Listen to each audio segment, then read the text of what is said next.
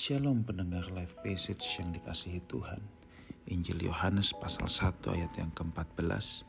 Firman itu telah menjadi daging dan diam di antara kita. Dan kita telah melihat kemuliaannya, yaitu kemuliaan yang diberikan kepadanya sebagai anak tunggal Bapa, penuh kasih karunia dan kebenaran. Memang benar saudara bahwa Natal itu adalah perayaan inkarnasi inkarnasi firman menjadi daging. Kedatangan Kristus membawa dua hal kalau kita lihat di sini. Kasih karunia dan kebenaran. Hidup Kristen kita harus seimbang antara dua hal ini. Berat sebelah kita akan berujung pada ketidaktepatan. Ada yang menekankan hanya pada kasih karunia. Pokoknya kasih karunia, kasih karunia, kasih karunia tetapi faktor kebenaran dihilangkan. Ya, maka biasanya orang-orang seperti ini hanya mau mendengarkan khotbah tentang Allah mengasihi kita, Allah menerima kita, ya. Tuhan sayang banget sama kita. Apakah khotbah seperti itu salah? Jelas tidak salah, saudara. Tetapi kalau hanya itu yang ditekankan, kita akan menghasilkan orang-orang Kristen yang baik rohani.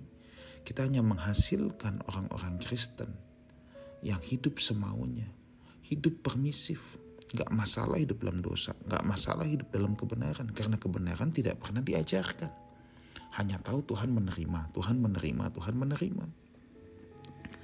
Saya harus mengingatkan, betul seberapapun dalamnya dosa kita, Tuhan menerima kita apa adanya, tapi kan dia tidak akan membiarkan kita apa adanya.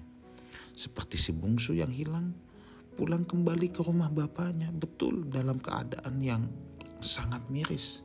Apakah bapaknya terima? Terima saudaraku.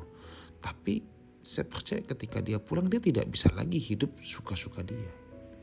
Nah di satu ekstrim lagi ya, orang menekankan kebenaran, kebenaran, kebenaran tanpa kasih karunia. Nah, ini akan menjadi orang Kristen yang legalistik. Hidupnya cuman pergumulannya boleh enggak boleh? Enggak. Aku harus begini, aku harus begitu. Ini lama-lama menciptakan orang-orang Farisi modern. Lama-lama menciptakan orang yang mudah menghakimi orang lain.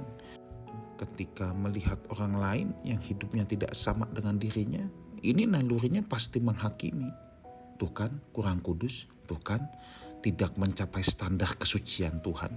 Itu udah pasti, bahasanya selalu akan begitu.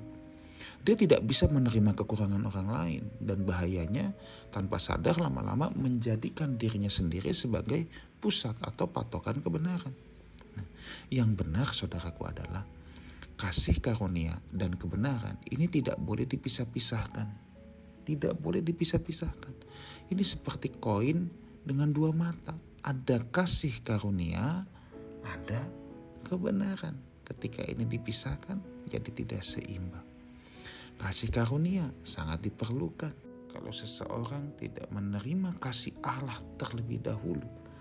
Dipenuhi kasih Tuhan terlebih dahulu, gambar dirinya sulit pulih. Kalau gambar dirinya sulit pulih atau tidak pulih, bagaimana dia dapat dikembalikan ke rancangan semula menjadi gambar dan rupa Tuhan. Nah, apa yang mengembalikan itu? Kebenaran. Setelah diterima, dia harus tahu kebenaran, dia harus hidup dalam kebenaran. Bagaimana dia bisa hidup dalam kebenaran kalau dia tidak tahu kebenaran? Itu sebabnya mari sahabat life message, life house family, dan siapa pun saudara yang mendengarkan ini, kita harus bertumbuh dalam dua-duanya.